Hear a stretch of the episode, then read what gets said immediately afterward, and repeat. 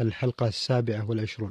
بسم الله الرحمن الرحيم. الحمد لله والصلاة والسلام على رسول الله محمد بن عبد الله وعلى آله وصحبه أجمعين. وبعد أيها الإخوة المستمعون الكرام السلام عليكم ورحمة الله وبركاته وأهلا وسهلا بكم إلى هذا اللقاء في هدي النبي صلى الله عليه وسلم في رمضان. هذه اللقاءات التي نستضيف فيها فضيلة الشيخ الدكتور عبد الكريم بن عبد الله الخضير وفقه الله. فحيا الله فضيلته وأهلا وسهلا به معنا في هذا اللقاء. حياكم الله شيخ عبد الكريم. حياكم الله وبارك فيكم وفي الأخوة المستمعين. أيها الإخوة المستمعون الكرام في هذا اللقاء سيتعرض فضيلة الشيخ عبد الكريم لجملة من أحكام القضاء. ذلك أنه شرع للمؤمن الذي جاءه ما جاءه من الأعذار في عدم صيام شيء من رمضان أن يقضي هذه الأيام التي عليه فلو حدثتمونا فضيلة الشيخ حول أحكام القضاء عموما. الحمد لله رب العالمين وصلى الله وسلم وبارك على عبده ورسوله نبينا محمد وعلى آله وصحبه أجمعين. من أفطر في رمضان عمدا لغير عذر شرعي فقد أتى كبيرة من الكبائر وعليه حينئذ التوبة إلى الله سبحانه وتعالى مع القضاء. ومن أفطر لعذر شرعي من سفر أو مرض أو حيض أو نفاس فإنه يجب عليه القضاء إذا زال عذره لقوله جل وعلا ومن كان مريضا أو على سفر فعدة من أيام أخر لكن لا يجوز لهؤلاء أن يؤخروا القضاء إلى رمضان آخر. فإن أخر إلى رمضان آخر فعليه القضاء ومعه إطعام مسكين عن كل يوم نصف صاع من تمر أو حنطة أو رز أو غيرها. على خلاف بين أهل العلم في ذلك لكن الاحتياط أن يخرج مع القضاء آه، هذه هذه الفدية. يقول الإمام البخاري رحمه الله تعالى باب متى يقضى قضاء رمضان؟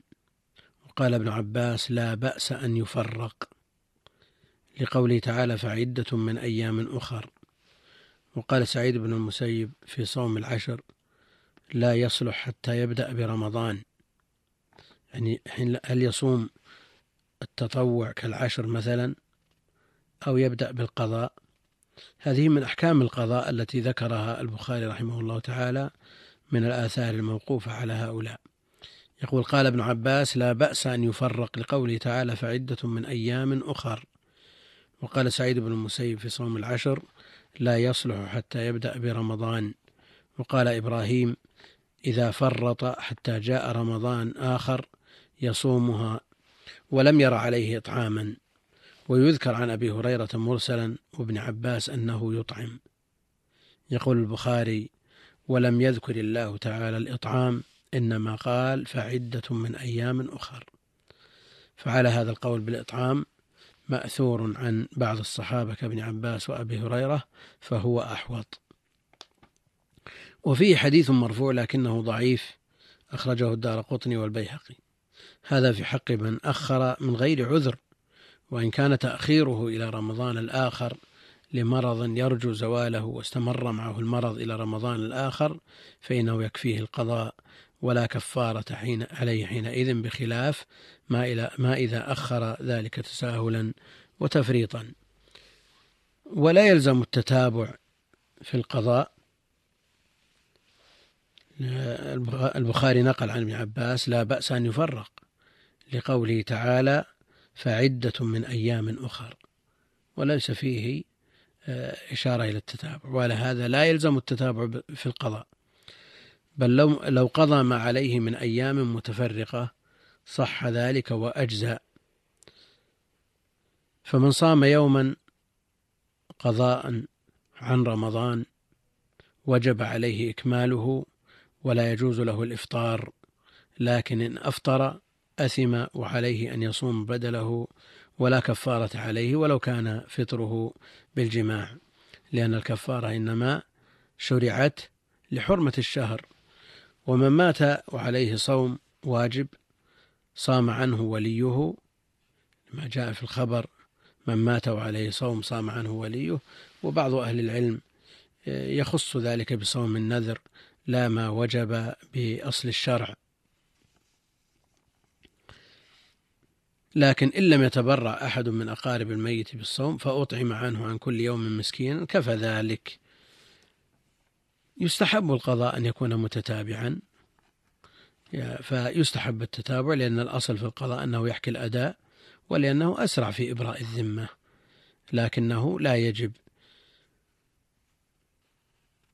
يقول ابن القيم بالنسبة لمن صام وعلى من مات وعليه صوم فإنه يستحب لوليه أن يصوم عنه يقول, يقول رحمه الله يصام عنه النذر دون الفرض الأصلي.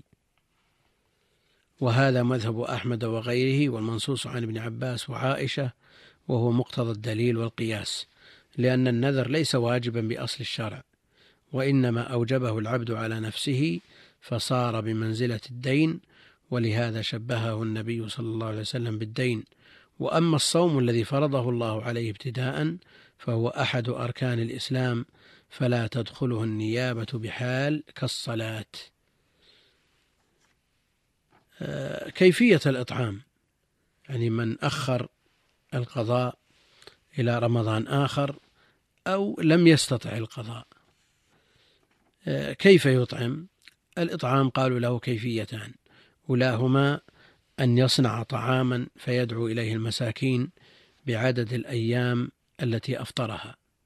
أن يصنع طعاما فيدعو إليه المساكين بعدد الأيام التي أفطرها كما كان أنس بن مالك يفعله لما كبر. والثانية أن يطعمهم طعاما غير مطبوخ فيطعم عن كل يوم مسكينا نصف صاع من كل ما يسمى طعاما من تمر أو بر أو أرز أو غيرها. وقيل إن الواجب مد من البر أو نصف صاع من غيره. آه، وقت الإطعام المسلم مخير إن شاء فدى عن كل يوم بيومه وإن شاء أجل الإطعام إلى آخر يوم. لكن لا ولا في رمضان يا شيخ. نعم لا يجزئ تقديم الإطعام عن شهر رمضان. لا يجزئ تقديم الإطعام عن شهر رمضان فلا يجزئ في شعبان مثلا لأن سبب الوجوب الفطر فلا يقدم الواجب على سببه. إذا كان العبادة لها سبب وجوب ووقت وجوب. نعم. سبب وجوب ووقت وجوب. لا يجوز التقديم على السبب اتفاقا. ويجوز التأخير عن الوقت. يعني بعد بعد الوقت الذي هو وقت الوجوب. نعم, نعم. والخلاف فيما بينهما. ونظير ذلك أولا مسألتنا التي معنا. سبب الإطعام الفطر في رمضان. نعم, نعم. فكونه يطعم قبل دخول شهر رمضان هذا تقديما على السبب. فلا يجزئ. فلا يجزئ. يجوز أن أن يطعم بعد خروج رمضان الذي هو وقت الوجوب. نعم, نعم. ويجوز أيضا أن يخرج بين السبب والوقت. نظير ذلك من حلف على شيء. ورأى أن غير المحلوف عليه خيرا منه. أراد أن يكفر. يجوز له أن يكفر قبل الحنث ويجوز له أن يكفر بعد الحنث لكنه لا يجوز له أن يكفر قبل حدوث انعقاد اليمين. نعم. لا يجوز له ذلك لأن انعقاد اليمين سبب الكفارة ووقتها الحنث. فلا يجوز قبل السبب ويجوز بعد الحنث ويجوز بينهما على ما جاء في الحديث. وأني لا آه، أحلف على شيء فأرى غير خيرا منها إلا كفرت عن يميني ثم أتيت الذي هو خير. نعم. أحسن الله إليكم فضيلة الشيخ. آه، الأمراض التي تؤدي إلى اختلال الشعور وعدم ضبط الوقت شيخ خاصة وقت الصلاة هل آه، اولا انها تبيح الفطر ثم ماذا يلزم من أفطر لهذا السبب وكيف يلزمه القضاء؟ هذه الأمراض التي يختل معها الشعور وهو العقل. نعم. لأن العقل هو مناط التكليف. فلا تكليف إلا مع العقل. فإذا زال هذا العقل ارتفع التكليف وحينئذ لا شيء عليه. إذا ارتفع العقل لا شيء عليه. يبقى مسألة الإغماء. نعم. الإغماء هل يلحق بالنوم أو يلحق بالجنون؟ آه، بعض الصحابة كأنه آه، جعل ثلاثة أيام فما دون في حكم النوم.